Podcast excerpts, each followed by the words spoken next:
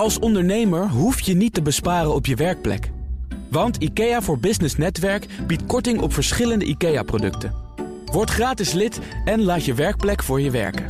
IKEA, een wereld aan ideeën. Werkverkenners wordt mede mogelijk gemaakt door NCOI, de opleider van Werken Nederland. BNR Nieuwsradio.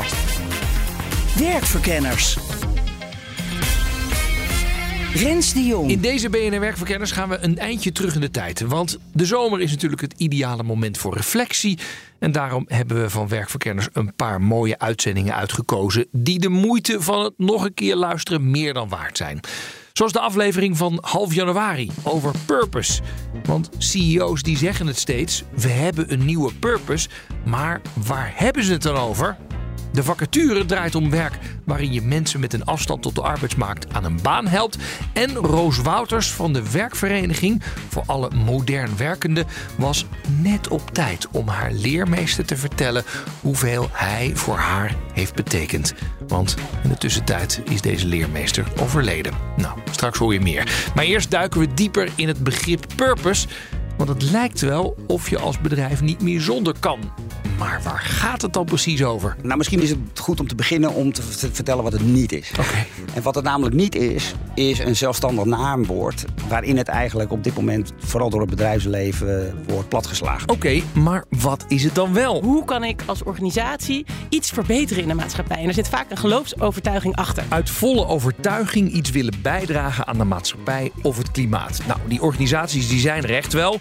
Maar ik zal eerlijk met je zijn, mijn cynische kant denkt toch ook dat veel bedrijven het misbruiken in de zoektocht naar goede medewerkers en klanten. En dat het vaak maar een hol begrip is. Ja, dat doet altijd een beetje pijn in mijn hart. Het zal zeker kloppen dat dat ook waar is.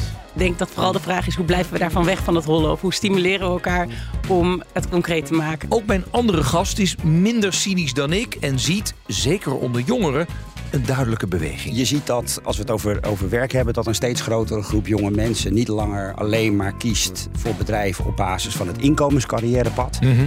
Maar dat wat wij tegenwoordig het impact-carrièrepad noemen. Oké, en die oprecht bereidwillige organisaties, hoe kunnen die aan de slag? Ik denk dat het eerste wat belangrijk is dat je met elkaar moet gaan doen en met de hele organisatie is de purpose gaan koppelen aan je businessmodel. Maar toch ook een spoortje cynisme bij een van mijn gasten. Je moet eerst wel echt zeker zijn van de oprechtheid. Doen mensen dit gedragen door de waarden waar ze daadwerkelijk in geloven?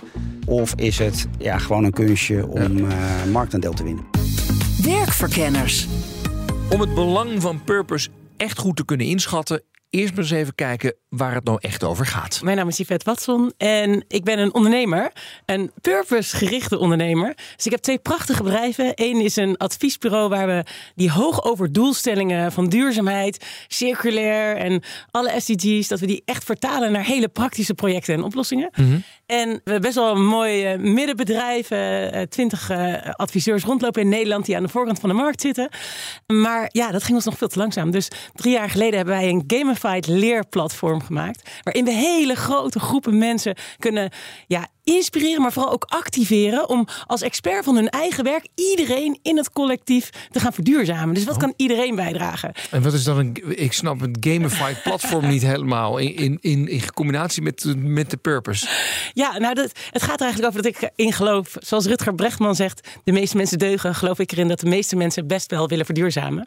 En als dat zo is, dan hebben we hopeloos de verkeerde doelen nagestreefd. Want we zijn gaan reguleren, we zijn gaan beboeten, we zijn gaan belonen. Dat doe je alleen maar als mensen niet willen.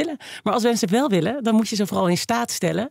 eh, leren over het onderwerp. En dan vooral ook hun eigen creativiteit, kennis, expertise toe laten voegen. om die verandering te maken met de organisatie. Dus iedereen betrekken. We hebben het vandaag over purpose.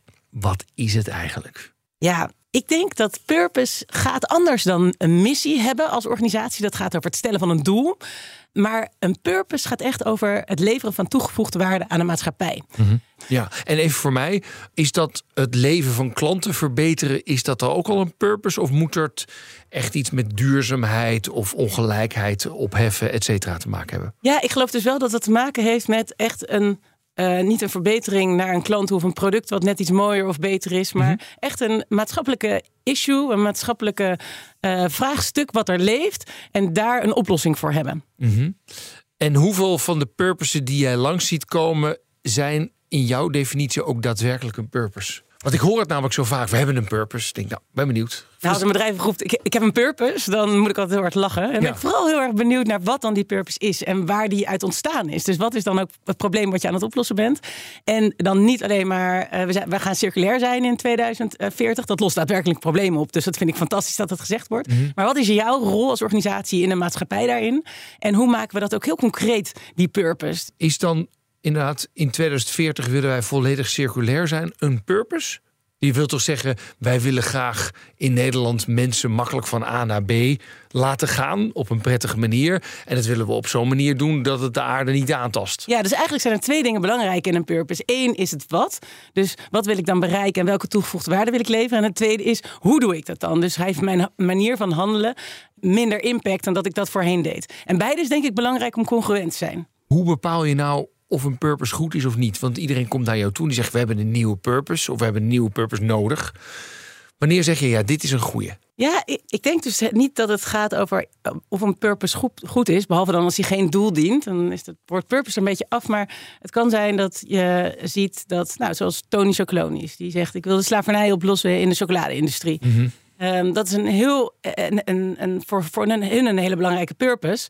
Eh, maar iemand die meer aanslaat op het klimaatvraagstuk, die zal misschien hier, hier minder belang bij hebben. Dus die zal kiezen voor een organisatie die, eh, die de purpose heeft, die aanslaat op je, je eigen drijfveren en dat wat jij belangrijk vindt. Dus ik denk dat er talloze goede purposes zijn, maar niet voor iedereen goed als individu. Nee. En, en kan het een stevige winst draaien? Kan dat ook een purpose zijn? Nee. nee, gewoon niet. Nee. Nee. nee. daar geloof ik echt niet in. En ook oneindige groei, dat is ook geen purpose. Dus winst- en groeidoelstellingen hebben niets te maken met het toevoegen van waarde. Ja. Dat zijn, dan heb je het veel meer over ja, een missie. En dan is het vrij, vrij platte missie ook nog eens een keer. ja. En, en moet het allemaal wel zo'n purpose feitelijk meetbaar zijn? Ik denk dat dat heel erg helpt. De fase van de transitie waar we nu in zitten. Eh, waarin we nou ja, tot nu ook heel, van heel veel organisaties grote, prachtige doelstellingen hebben gehoord. Maar geen clue hoe we daar komen. En ook niet hoe we het meetbaar maken.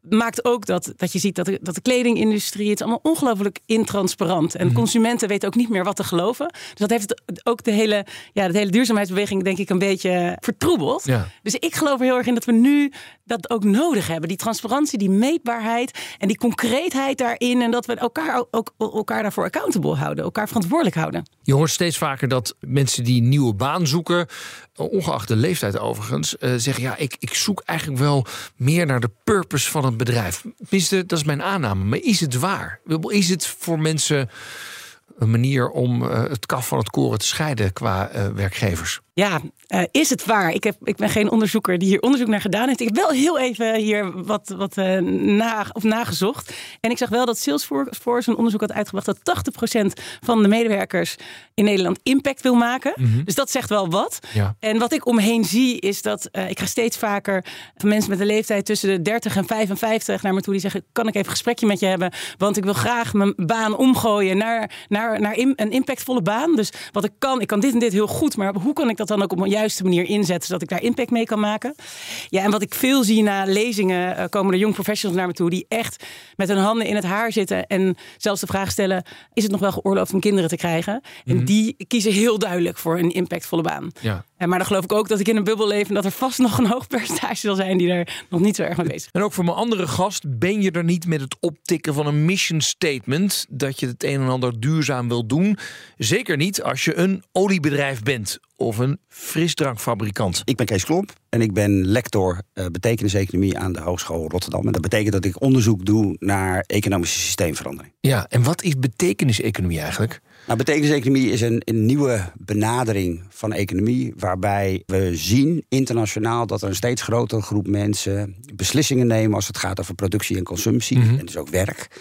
Op het, uh, op het uh, gebied van betekenisgeving. Dus we zien dat steeds meer mensen beslissingen nemen in het, eh, in het teken van hun persoonlijke zoektocht naar zingeving. In plaats van winstmaximalisatie. Ja, dus je ziet dat mensen willen werken bij bedrijven die zij nadrukkelijk zien als onderdeel van de oplossing. Ja. Die een positief verhaal in de wereld eh, manifesteren. En hoe groot is die groep eigenlijk? Nou, die groep die stijgt gestaag. Eh, het, dat is nog steeds eh, geen, geen meerderheid. eh, we- Weet, weten we iets van procenten of wat dan ook? Van hoe- hoeveel procent van de medewerkers denkt...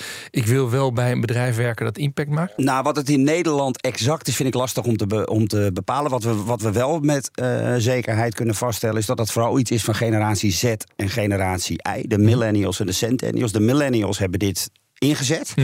De huidige jongvolwassenen, Ja. die eh, binnen veel bedrijven ook een beetje zo'n middelmanagement eh, vormen. En de generatie Z die daarnaast is gekomen, de centennials, die nu eh, studeren of net instromen. En wat je ziet, is dat de millennials vooral op basis van persoonlijke ontwikkelingsvraagstukken, zingeving, betekenisgeving, zelfrealisatie, keuzes hebben gemaakt. En dat de generatie Z, de centennials, dat vooral doen op basis van eh, systeemverandering. Hè, dus het is interessant om te zien dat. En wat is dat systeemverandering? Nou ja, systeemverandering is de, is, de, is de erkenning. En dat is ook logisch. Hè? Want generatie Z is natuurlijk opgegroeid te midden van de steeds erger wordende klimaatcrisis. en, de, en de ontdekking of de erkenning eigenlijk dat het economische systeem daar de debet aan is. Ja, ja. En dat we dus op een andere manier een ander systeem eigenlijk nodig hebben om dat op te lossen. Ja. En dat is, maar wat ze gemeen hebben, dat is interessant. En er is een, een Amerikaanse socioloog, Byron Williston. Die heeft daar een prachtig stuk over geschreven. Die heeft het over. ehm, die noemt eigenlijk deze twee generaties samen. Gooit hij op één hoop en noemt hij generatie A van generatie Anthropoceen. En die zegt dus eigenlijk dat deze twee eh, generaties steeds meer aan het verweven zijn tot een soort van supercohort. Die echt beslissend en bepalend gaat zijn op bijvoorbeeld de arbeidsmarkt. Ja. En dat is wel interessant ook, want dat- nu met Quiet Quitters en eh The Great Resignation zie je inderdaad wel bewegingen waarin je ziet dat me- jonge mensen hele, ja, voor economen onbegrijpelijke beslissingen nemen. ja. Terwijl het, als je het vanuit een betekenisperspectief bekijkt, logisch is. Volstrekt logisch Ja? zelfs, ja. ja. Want waarom is dat dan Nou ja, kijk, eh, er zijn nogal wat eh, sectoren en dus ook bedrijven die nadrukkelijk geassocieerd worden met probleem veroorzaken in plaats van probleem oplossen. Eh, dus dat is al een, een discriminerende factor. En een tweede wat je ziet, is dat heel veel banen. Banen zijn die weliswaar goed kunnen betalen, maar bijzonder weinig persoonlijke voldoening en vervulling geven. En die dus weinig intrinsieke beloning opleveren. En voor een, een groep mensen die gevoelig zijn voor juist die twee criteria, zijn dat dus ook ja, onaantrekkelijke banen. de banen waar ze niet meer voor in de rij gaan staan. Yes. Ja, en, en dat zien we dus ook. Ja, dat zie je gebeuren. Ja? Ja, Waar zie je dat gebeuren? Nou ja, kijk, je ziet, je ziet, eh, je ziet dat vooral grote eh, multinationals, hè, die, eh, die voorheen het heilige der heiligen waren als het ging over werkgelegenheid en de carrièrepaden. shells van deze wereld. Ja, die hebben het, die hebben het echt lastig met, met jonge mensen. Ja. En daarbij wil ik niet eens stelling nemen door te zeggen dat dat terecht of onterecht is. Het is in ieder geval een ontwikkeling die je nadrukkelijk kunt waarnemen. Dat zijn bedrijven die op een andere manier beschouwd worden dan, eh, dan voorheen. Ja. Deze uitzending gaat over purpose. Want dat is dan het antwoord, toch?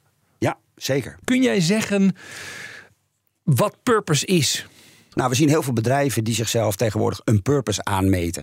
Hè, En, Ja. en wat is een purpose dan? Dat is een, ja, ik noem het wel eens een, een mission statement met nog duurdere woorden. Geef een ze- voorbeeld. Ja, nou ja, kijk, Shell heeft een, eh, heeft een eh, purpose. Philip Morris heeft ook een purpose. Hè? Mhm. en, eh, en dat zijn bedrijven waarvan, of Coca-Cola heeft een, heeft, een, heeft een purpose. Ja. En dat zijn volgens mij alle drie ook bedrijven waar je ernstige vraagtekens bij kunt stellen. als het gaat over de positieve bijdrage aan de ecologische crisis waarin we verkeren. Maar waarom is het dan slecht dat Coca-Cola een Ik weet eigenlijk niet wat de purpose van Coca-Cola is. Weet jij het of niet? Ik heb geen idee. Nee. Zullen we even googlen? Purpose Coca-Cola? Pur, pur, Het zal ongetwijfeld iets zijn met eh, happiness en. eh, Coca-Cola. Hier. Purpose and vision. Our purpose at the Coca-Cola Company is to refresh the world and make a difference. Ja, nou daar kan je alle kanten mee op. Hè? Maar dat is dus niet goed. Dat is wat jou betreft niet een purpose. Nee, kijk, ik heb, eh, ik heb voor, mijn, eh, voor mijn werk. Hè, want betekenis-economie wordt vaak platgeslagen eh, in, in het Engels als purpose economy of purpose economics. En ik gebruik daar heel bewust de term, als ik het vertaal in het Engels, naar existential economics. Omdat purpose is slechts één kant van de medaille. Dus wat, je, wat we zien gebeuren bij betekenisgeving is een proces. Ja. En het proces begint met een, een, bewustzijnsmoment. En dat is dat eh, mensen na een existentiële levensgebeurtenis, dus een hele belangrijke, bepalende levensgebeurtenis, een soort eenheidsbewustzijn ervaren, waarin ze zich beseffen dat hun leefwereld groter is dan zij voor mogelijk hielden voor dat bepalende moment. Maar dus, dit, dit, dit, dit emotionele moment is dus eigenlijk van de CEO dan? Of van een heel klein groepje mensen? ja, als die hem heeft gehad. Hè? Want Ja. dat is de vraag die je kunt afstellen bij dit soort eh, grote multinationals. Of daar daadwerkelijk een belichaamde, geleefde purpose is. Dus wat ontzettend belangrijk is. En ik, ik heb heel veel sociaal ondernemers geïnterviewd voor mijn werk. En je ziet eigenlijk zonder enige uitzondering dat elke sociale ondernemer, en een sociaal ondernemer is iemand die een bedrijf begint met een expliciete maatschappelijke missie, hè, dus een bedrijf wat er is om de wereld te verbeteren. En wat je ziet, zonder één uitzondering, is dat al die sociale ondernemers gedreven worden door een intrinsieke motivatie. Ja. En dat die intrinsieke motivatie terug te voeren is naar een moment van roeping. Ze hebben allemaal een aantoonbaar moment gehad. Waardoor er iets gebeurde, waardoor een bepaald maatschappelijk probleem persoonlijk voor ze werd. Ja, ja. Ze hebben het geïnternaliseerd. Dus eh, eh, Tony Chocolonely, we moeten slaafvrij chocolade maken. Mud jeans, waarom zijn spijkerbroeken zo vervuilend? Al dit soort bedrijven hebben zo'n verhaal. Ja, ja. En dat, en het, de, Maar dat, is dus moment, dat- single point of origin bijna. Allemaal, ja. Ze hebben allemaal een aantoonbaar moment waarop een bepaald maatschappelijk probleem voor hun begon te leven. En, dat, Ja. en wat heel belangrijk is, ze hebben dat bewust geïnternaliseerd. Dat is een keuze. Ja. Ze hebben er bewust voor gekozen dat het niet langer een probleem is, maar het Hun een probleem. probleem, is. Ja. En, En dat is purpose. Oké. Ik denk dat het een, de goede manier om dit te formuleren is, is dat ik 100% geloof in de kansen en in de mogelijkheden voor grote corporates om zo'n transitieproces, een transformatieproces door te maken. Mhm. Mijn stelling is alleen wel dat het dus afhankelijk is van een CEO of iemand anders die bij macht is. Om zo'n existentiële levensgebeurtenis door te voeren in, een, eh, in beleid waardoor dat hele bedrijf omgaat. Het gebeurt dus niet op de marketingafdeling. Nee. En dat is waar Purpose nu vooral leeft binnen bedrijven. Het, het ontstaat en het gedijt op, bij marketingafdelingen. Ja. En, eh, en daar geloof ik niet in. Ja, nou, aan alle CEO's die luisteren, knoop dit dus goed in uw oren. Die purpose is dus niet iets wat je even laat bedenken door de marketingafdeling. Maar ja, hoe dan wel?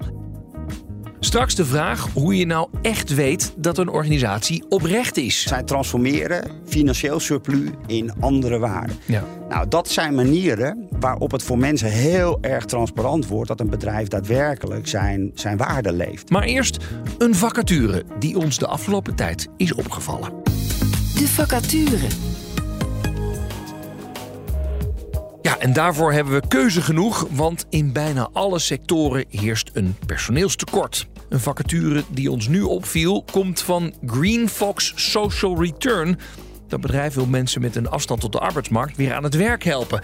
Alleen, nu hebben ze zelf ook vacatures uitstaan. Notabene voor een recruiter. Met Renzo Deurdan. Dag Renzo met eh, Rens van BNR. Jij, jij bent eigenaar van Green Fox. Ja. Wat, wat is dat Green precies Fox voor... Social Return. Green Fox Social Return, wat is dat precies Ja. voor een bedrijf? Een, een hele naam vol. Dat is een, eh, eh, ja, dat is een goede vraag. Het is niet echt een bedrijf, het is een sociale onderneming. Dat zit een beetje tussen een bedrijf en een stichting in. Dus we hebben een maatschappelijke doelstelling, hebben wij als nummer één staan. Eh, en die is ten koste van winstmaximalisatie. Dus En- het zit en een jullie- beetje... En jullie zoeken mensen, ehm eh, jullie bemiddelen mensen met een afstand tot de arbeidsmarkt? Ja, klopt. Dat doen wij. Nou, het grappige is dat jullie zelf ook weer mensen zoeken. ja. Ja, Klopt. Het Ja. gaat hard. ja, ja gaat het hard? Ja, het gaat heel hard. Ja. Er is een enorme vraag naar eh, eh, mensen met een afstand tot de arbeidsmarkt. Wij noemen het liever een voorsprong op de arbeidsmarkt. Omdat ik geloof dat iedereen iets kan. Ik denk dat wij beiden misschien wel een hele slechte accountant zijn. En dat maakt er niet uit zolang je radio maakt of een bedrijf runt. Ja, Dus je moet kijken naar wat iemand wel kan. In de plaats van de focus wat iemand niet kan. Nou, de doelgroep in Nederland is eh, afstand tot de arbeidsmarkt is ruim 1 miljoen. Dus iedereen die gewoon werkzoekend is. En het beeld is vaak, nou, afstand tot de arbeidsmarkt, daar zal wel een lichamelijke en of geestelijke handicap aan zitten. Ja, dat is niet het geval. ja. Ik zat even te kijken naar jullie eh, vacature. Die is Ja. hartstikke uitgebreid. En wat ik wel grappig vond, je beschrijft ook de hele werkdag. Ja, Om acht uur beginnen we. We starten de Ja. dag onder genot van een kop koffie. En dan ben je ergens rond half vijf klaar. En je, ik vind het zo mooi. Je sluit de computer af en gaat met een voldaan gevoel naar huis. meestal wel, ja. Waar, waarom hebben je besloten om, dat, om dat die hele dag eigenlijk te beschrijven? omdat het zo lastig is om eigenlijk uh, een goed beeld te geven op een, een, een klein, ja, een paar regels van, van een baan. Het is namelijk ook niet echt. Uh, het zit een beetje tussen een, een commerciële baan en, en ja, maatschappelijk werk in. dus we wilden echt een goed. Wat, wat, betekent dat dan in het dagelijks, hè, in het dagelijks leven? Wat, wat, hoe ziet zo'n dag eruit? Dat was een van de vele vragen die wij kregen. Dus uh, daarom hebben we het zo gedaan. Ja, en je hebt ook uh, zeg maar collega's erbij gezet, hè? Van ja, van, ja dit, dit is je collega en dit is mijn collega Patricia. En waarom heb je voor ons gekozen? Waarom vond je het zo belangrijk om die collega's te laten zien al? Nou, uh, heel vaak kijken mensen uh, naar. We hebben ook een, uh, een over ons gedeelte op onze website staan. En bijna iedereen kijkt erop. Dus wie zouden mijn aanstaande collega's kunnen zijn? En dan hoop je altijd een beetje dat je jezelf ertussen ziet staan. Ja. En om de diversiteit van de collega's ook te laten zien en de verschillende achtergronden en de verschillende motivaties, hopen we eigenlijk door een soort van erkenning, herkenning te zien met van, oh, wacht even, dat heb ik ook wat Patricia heeft. Ik heb ook uh, ervaring in de, in de hospitality. En ja, ik snap dat dat heel goed aansluit bij het werk bij Kingfox. Ja, ja. Hey, eh, veel reacties al gehad? Ja, mooi. Ja, het is eigenlijk wel, uh, als ik alleen al kijk hoe het op LinkedIn is, uh, ja, gaat het erg goed. Ik denk dat steeds meer mensen uh, in deze tijd ook zoeken naar ehm, iets meer voldoening in je werk. He, dus niet alleen maar gewoon centjes verdienen, maar je wil ook graag impact maken. Je wil ook gewoon iets, iets goeds doen. En deze vacature heeft dat juist in zich. Hè? Je kan juist hier mensen helpen die het hard nodig hebben. Nou, heel veel succes met het zoeken, dankjewel. Dankjewel, Rens. Hoi. Jo. Rens de Jong. Mooi verhaal, mooie baan en misschien wel een leuk bruggetje naar het thema van deze uitzending, namelijk purpose-gedreven bedrijven.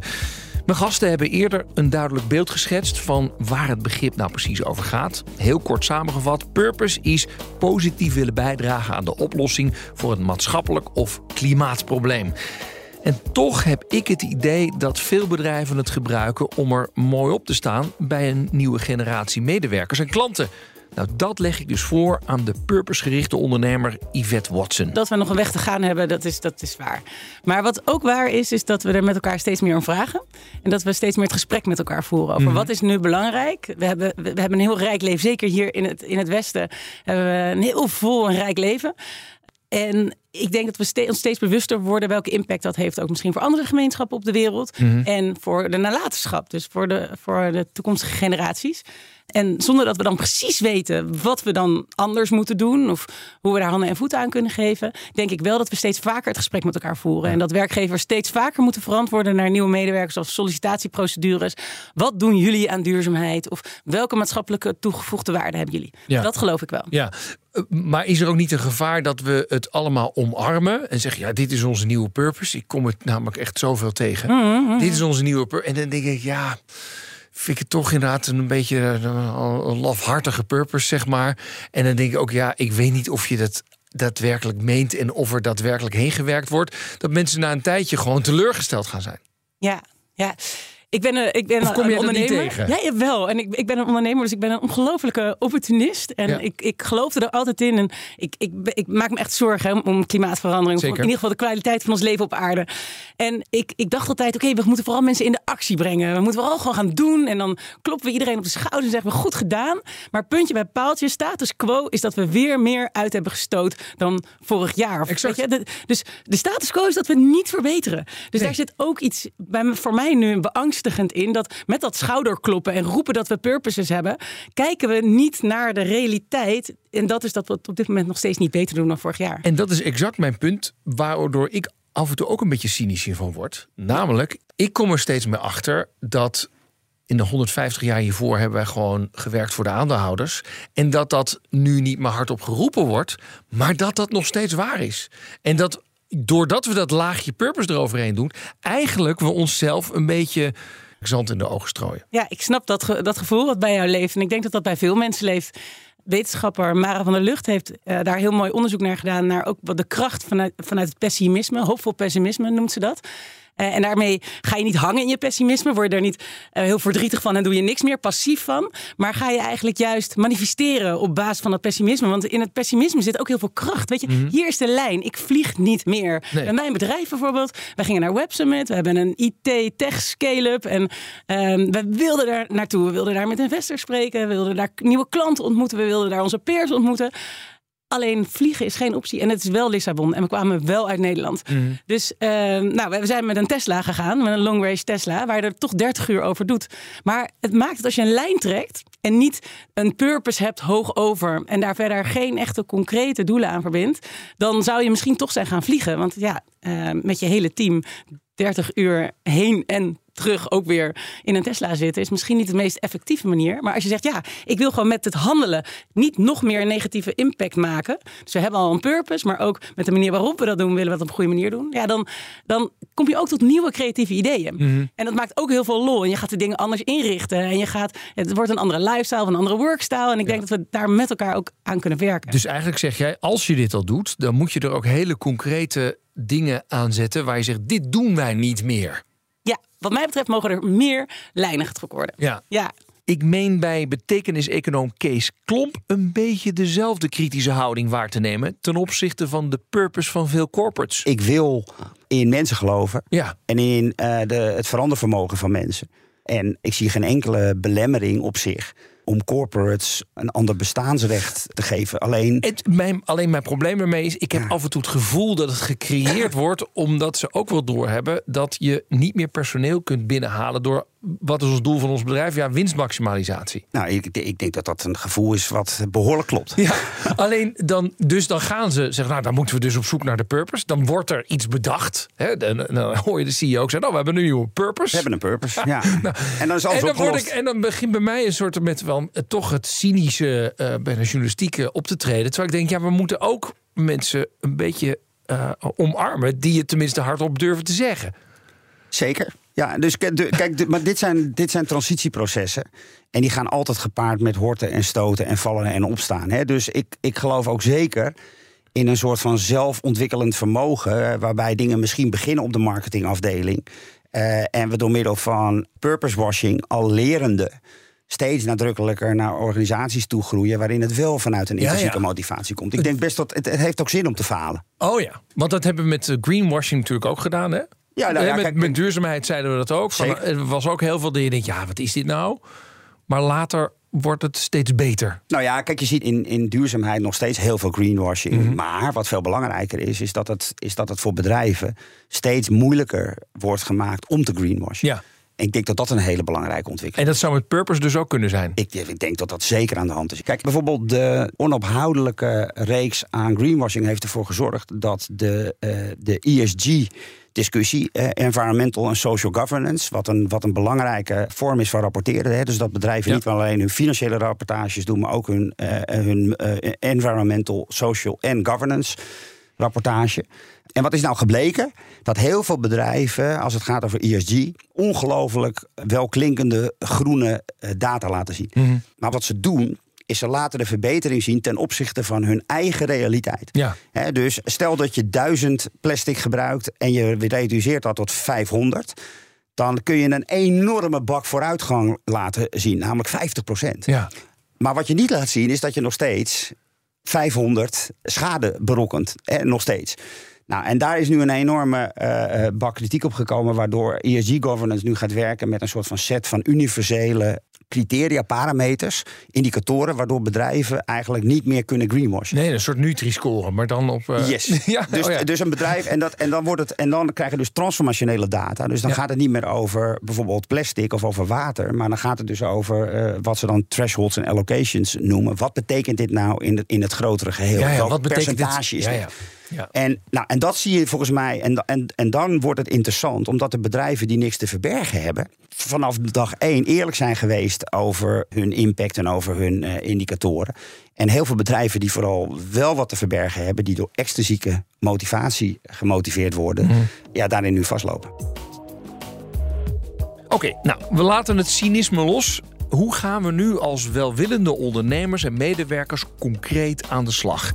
Nou, dat kan dus niet door allemaal nieuwe bedrijven met de juiste purpose op te richten, zegt ondernemer Yvette Watson. Het gaat er ook om hoe transformeren we uh, onze organisaties die al bestaan. Hè? Mhm. dat, dat is de, de 99% die het in 2050 gefixt moet hebben. Ja. Het is maar 1% nieuw of zo wat erbij komt. Dus waar, waar geloof je nou eigenlijk in? En toen je ooit begon als ondernemer, of toen je nog met als klein team, of waar, weet je, waar stonden jullie nou eigenlijk voor? En uh, dat vertalen naar een purpose die naar de toekomst toe ook echt waarde gaat toevoegen. Dus een Geef- probleem voorbeeld. Nou, je hebt misschien een, eh, een bedrijf wat wasmachines verkoopt. Ja. En je eigenlijke purpose was dat je vond dat mensen dat niet meer in de sloot moesten doen. Maar dat je dacht, dit is echt lekkere schone kleren. Weet je, we, we maken het makkelijk voor mensen. Ja. En dat heb je op een manier gedaan. En je businessmodel is van die grote witte units bij andere mensen in hun huis te plaatsen. Ja. Maar eh, wat Bundels bijvoorbeeld heel leuk gedaan heeft, die heeft gezegd: Oké, onze purpose is nog steeds dat mensen heel gemakkelijk toegang krijgen tot schone was. Maar dat ze dat ook op een hele duurzame manier kunnen doen en dat het betaalbaar is. Dus een Miele wasmachine, ik weet niet of ik hier merknamen mag noemen, maar die zijn hartstikke prijzig. Die zijn ook super energiezuinig. En nou, nu helemaal met de hoge energieprijzen levert het een enorm conflict op als je dat niet nu kan aanschaffen. Maar als je kunt betalen per gebruik, in plaats van dat je voor de aanschaf van zo'n ding eh, aan de lat staat, Ja. eh, ben je alleen maar verantwoordelijk voor het gebruik daarvan. Mhm. Dan maak je dus die purpose die je had, koppel je aan een toekomstbestendig businessmodel. Ik denk dat, we, dat het dat de brainstorms zijn of de uitdagingen zijn waar organisaties voor staan. Ja, omdat je dan als er na 20 jaar een miele ongeveer stuk is, dat die dan niet op de schroothoop gaat.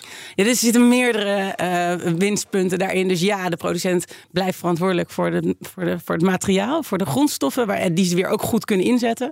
Maar het is ook zo dat doordat de consument alleen maar voor het gebruik hoeft te betalen, ook die zuinige machine toegankelijk wordt. Ja. Want de student, ik kon het als student helemaal niet betalen. Terwijl ik, ik had het heel graag willen, willen gebruiken, zeg maar. En wat, is dan de wat zou dan het zinnetje in de purpose zijn voor zo'n wasmachinefabrikant? Misschien moet de purpose van een wasmachinefabrikant zijn. Misschien moeten we mensen leren om gewoon niet zo vaak hun kleding te wassen. Want we, wassen het namelijk belachelijk veel. Wel één keer dragen en we gooien het dan Ja, weer in de was. ja?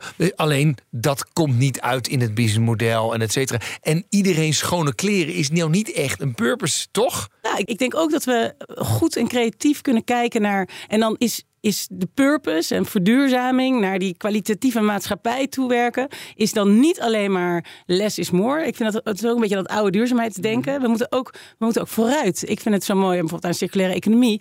Dat je, we gaan, we gaan echt weer ontwikkelen. We gaan, het is echt weer innovatie. Het is, eh, we gaan de dingen slimmer doen. Gewoon veel slimmigheid inbrengen. Ik denk dat daar ook wel de key ligt. Ja. Eh, dus alleen maar dingen niet doen en tegen vliegtuigmaatschappijen zeggen: eh, jullie moeten gewoon stoppen.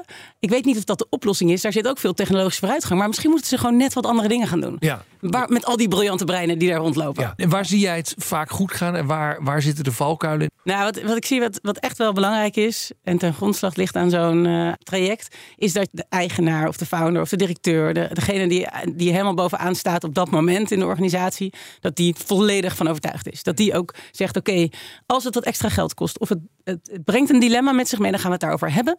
En dan gaan we niet weer kiezen voor de oude weg. Dus ik wil dit echt. Ik wil echt zorgen. Nou, ik heb dat bij Compasgroep gezien. Kev Wat deed- Helbergen. wat doen die? De cateraar Eurest eh, Ja. valt daaronder. Het is een hele grote cateraar. Voeden 100.000 monden per week in, in de Benelux, geloof ik. Nou, dat, is, dat is echt volume. Hè? Dat is- Ja. Als je daar eh, maar 5% afwijkt naar duurzamer... dan eh, gaat het echt over een megalomane impact, positieve impact die je dan maakt. En Van Helbergen stond daar aan, eh, aan de top. En eh, die heeft toen ook echt gezegd... ik wil in alles wat we doen... wil ik dat iedereen gaat meedenken over hoe we dat duurzamer kunnen doen. En als het duurder is... of er, je ziet andere dilemma's, andere beperkingen, belemmeringen... kom naar me toe en dan gaan we het erover hebben. Dan gaan we, dan gaan we, daar, dan gaan we kijken hoe we het wel mogelijk kunnen maken. In Ja. plaats van dat we als eerste vanuit gaan van... ja, dat hoor je veel organisaties ook zeggen. Als het moeilijk wordt, dan... ja, nee, maar dat, weet je, bij ons kan het niet. Dat het ergens anders wel kan, Ja. dat gebeurt ook vaak. Ja. Ja. Dus ehm, ik denk dat er meerdere wegen zijn dat je vooral goed moet uitdenken hoe pak ik dit aan in mijn organisatie. Ja. Eh, dat het sowieso goed is om experts vanuit allerlei gebieden, hè, biomimicry, we hebben zoveel verschillende expertisegebieden als het gaat over verduurzaming. Iets wat aansluit bij de purpose van de organisatie. En eh, dan kijkt hoe en met wie ga ik het bedenken en ga ik het daarna ook. Je wil wel iedere medewerker betrekken daarbij. Ja. Kun je er ook een business case van maken? Wel zijn er cijfers waar je zegt, ja joh, als je hierin investeert, dan levert dat ook wat op. Nou, dat is echt opmerkelijk. Uh, toen ik me aan het voorbereiden was, toen las ik dus een onderzoek van Bain Company. En die laat zien dat, dat medewerkers meer dan twee keer zo productief zijn als ze aan een purpose werken, dan als ze bij een bedrijf werken waar ze niet zo'n goed gevoel hebben hoe ze bijdragen aan een purpose. Mm dat is opmerkelijk. En, en daarnaast ook nog uh, een, een, onderzoek van PwC laat zien dat wat oudere mensen twee keer zo lang blijven bij een purpose gedreven organisatie mhm. dan een niet purpose gedreven organisatie. En millennials, let op, meer dan vijf keer. Dus iets waar wij nu ontzettend oh, veel moeite hebben om die millennials te behouden. Er zijn ontzettend veel wordt er Blijf gewoon vijf jaar bij je werken in plaats van één. Dat is toch heel wat, ja? Ja, als dat één was geweest, ja. nou, dat... Econoom Kees Klom zei eerder al in deze uitzending... dat voor een transformatie echt wel een roeping nodig is.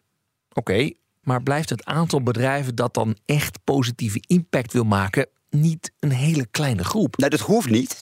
Maar wat wel belangrijk is, is dat het altijd begint met een persoon die dit weet te belichamen en vervolgens weet te cultiveren. Dus wat je ziet als je bij een sociale onderneming naar binnen stapt, als je bij Tony Chocolonisch naar binnen stapt of als je bij Commonland naar binnen stapt, dan stap je binnen in een cultuur die de geest van de eigenaar ademt. Je voelt dat dat authentiek is dus je voelt dat er iets is wat mensen daadwerkelijk bindt. Mm dus intrinsieke motivatie kun je wel degelijk vermenigvuldigen. En, maar, ja, maar vind, je voelt het, vind ik wel. Uh, het is wel een beetje moeilijk. Ja, uh, ja dat, is het ook, dat is ook wel moeilijk. Te, en er is een groot verschil, ook merkbaar, als je binnenstapt in een omgeving waarin het er niet is. Maar probeer het dan toch voor mij kwalitatief te omschrijven. Wat is dan het verschil? Gedrag. Ja. Gedrag. Dus doen mensen dit uit zichzelf? Doen mensen dit met hart en ziel? Komt het voort uit een gedeeld gevoel met mhm. elkaar? Wat interessant, ik heb het boek gelezen, jij vast en zeker ook van uh, Jeroen Smit over uh, Paul Polman. Zeker. De oude baas van Unilever. Die zei: Ik ga een heel groot bedrijf ga ik proberen echt te transformeren. Jeroen laat een beetje in het midden of het nou echt daadwerkelijk gelukt is of niet, zeg maar. Maar wat ik wel interessant vond, was het hele proces waar die al die managers doorheen trok. Ja ergens op een eiland gaan zitten. Uh, van waarom ben jij hiertoe op aarde? Is dat dan de blauwdruk om zoiets te doen? Ja, ik denk dat Polman een prachtig voorbeeld is van, van iemand. Er zijn er ondertussen meer die, wat mij betreft, niet geslaagd zijn om het helemaal over te brengen. Want je kunt niet concluderen dat zijn missie geslaagd is. Nee, hij ging weg en het werd anders. Toch? Ja, toch? Ja, en Ik, denk dat het er, ik denk dat het er niet beter op is geworden. En ik denk eerlijk gezegd dat het in de toekomst er nog veel minder goed uitziet voor Purpose eh, binnen dat bedrijf.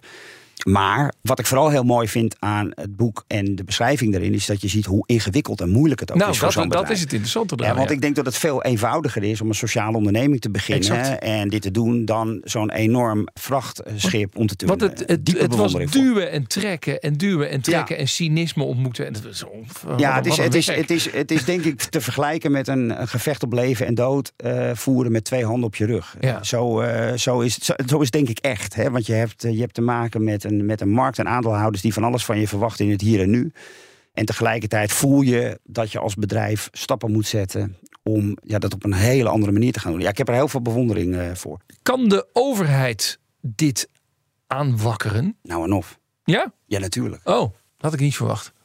Nee? Nee omdat je zegt, het is een emotionele gebeurtenis waar mensen zeggen: aha, het universum roept mij, dit is mijn roeping. Het overkomt je, het, het, het raakt je op het voorhoofd en daarna laat je het niet meer los. En jij zegt nu, ja, de overheid kan dit aanwakkeren. Dat had ik niet Nou ja, kijk, de overheid is er volgens mij vooral om wet en regelgeving te installeren en na te leven. Hè? Dus om, om spelregels met elkaar samen te, te stellen. En we hebben op dit moment een samenleving waarin markten een enorme bak vrijheid uh, krijgen met alle gevolgen van, uh, van dien.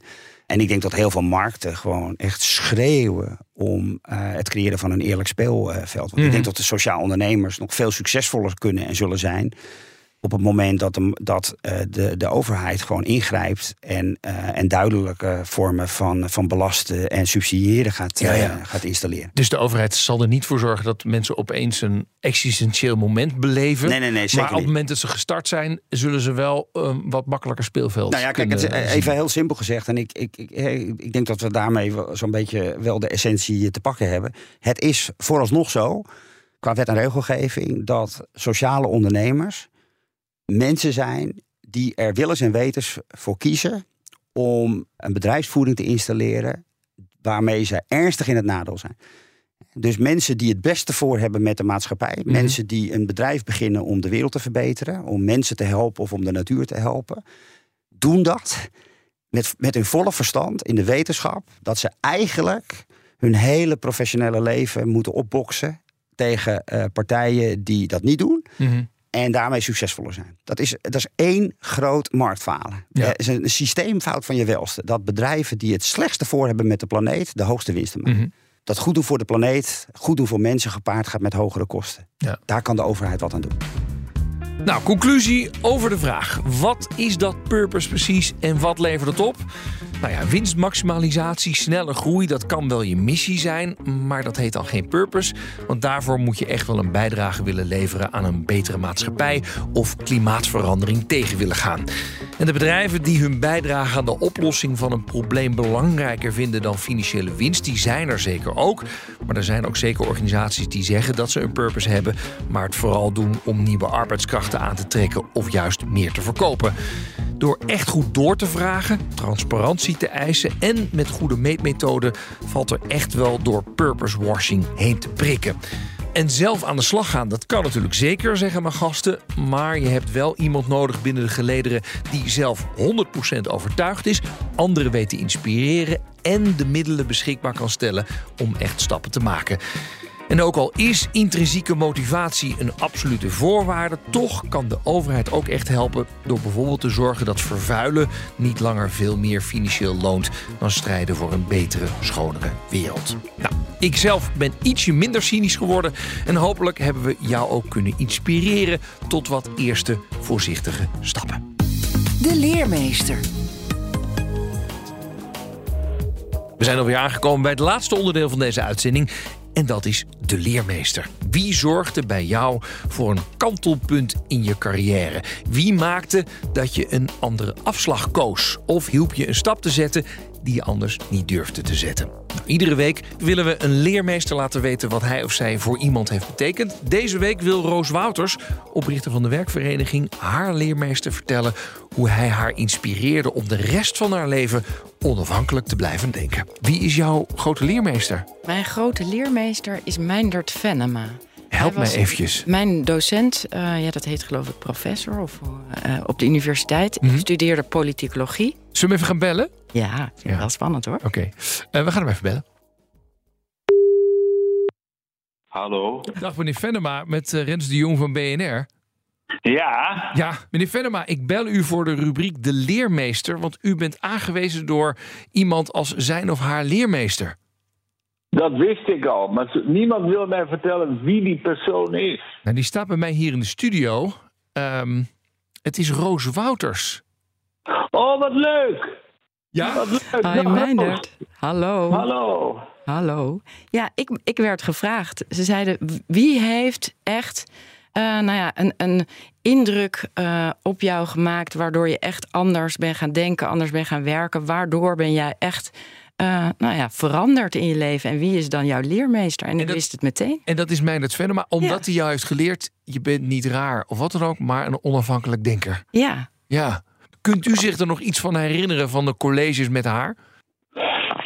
Nou, dat niet, maar wel van haar. Ik, de, de, de context kan ik mij niet meer precies herinneren. Ik weet dan. Kijk, ik, ik gaf hoorcolleges en ik gaf werkgroepen. En eh, ze, ze zal vast in een werkgroep gezeten hebben. Nee, ja, ik ken haar goed natuurlijk. En, maar ook omdat ze later zelf bekend geworden is. En, eh, en toen dacht ik, god, wat, eh, wat een zelfstandige denker. Ja?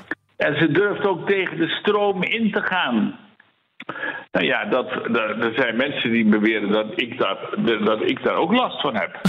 Ja, je hebt mij geïnspireerd om gewoon je niks van de stroming aan te trekken. Nee, en gewoon dat is- lekker onafhankelijk te blijven denken.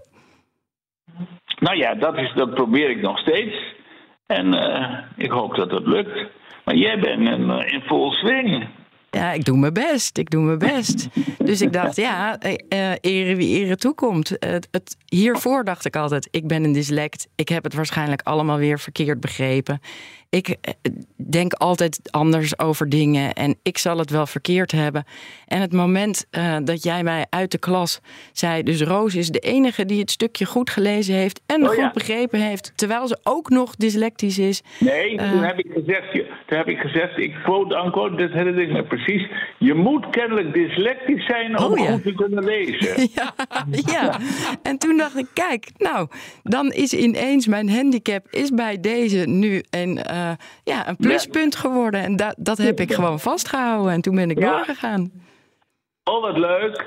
Ja. Ja, heel erg leuk. hey, Roos, ik, wou jou, eh, zou je het leuk vinden om bij mij een keer te komen? Ik woon weer in Amsterdam. Zeker. En, en meneer Venema, ik ben al blij dat er koffie gedronken gaat worden. Bent u, bent u inderdaad altijd eh, be- bezig geweest om uw leerlingen onafhankelijk te laten denken? Nou, eh, niet, niet zo bewust, maar ja, ik, ben zelf inderdaad nogal een onafhankelijk denker. En ik heb, ik heb natuurlijk wel bewondering voor mensen die dat ook hebben. En ik, vind het, ik, ja, ik vond het wel ontzettend leuk omdat er iemand in de klas die dyslectisch was, dat die het een, de enige was dat die het stuk, die het stuk gelezen had. Ja. Meneer Venema, eh, nog een laatste wijze les aan, aan Roos Wouters? Nee, alleen ga zo door. Dank ik je wel. Dank je wel, Meijner. Ja. Dat betekent veel voor me. Oké. Goed. Hey, eh, Dank hè. Oké. Dag, Dag. Meindert. Hey, dag. Dag. Wat doet dat met je als je hem dan aan de lijn hebt? Ah, ik ben helemaal. Ja, ik klink natuurlijk gewoon precies nog als Meindert. Dus het is heerlijk. Zo even heel bekend en vertrouwd. En ook zo lekker recalcitrant is deze man. Ik kan daar echt intens van genieten. En toen dacht ik, ja, maar dat is een eigenschap die moet je afleren. En hij zei steeds, nee, helemaal niet. Dat moet je juist nog meer doen. En ga ervoor. En daar werd ik zo, ja, zo blij van dat dat ben ik gewoon blijven doen. Mooie leermeester. Zeker. Dit was de eerste zomerspecial van BNR Werkverkenners. Volgende week dan krijg je er weer eentje op dinsdag om drie uur. En natuurlijk in je podcast-app kun je hem op ieder moment terugluisteren. Tot de volgende keer. Dag. Werkverkenners wordt mede mogelijk gemaakt door NCOI, de opleider van Werken Nederland. Een kleine update maakt een wereld van verschil. Daarom biedt IKEA voor Business Netwerk gratis snelle interieurtips en ideeën. Word gratis lid en laat je werkplek voor je werken. IKEA, een wereld aan ideeën.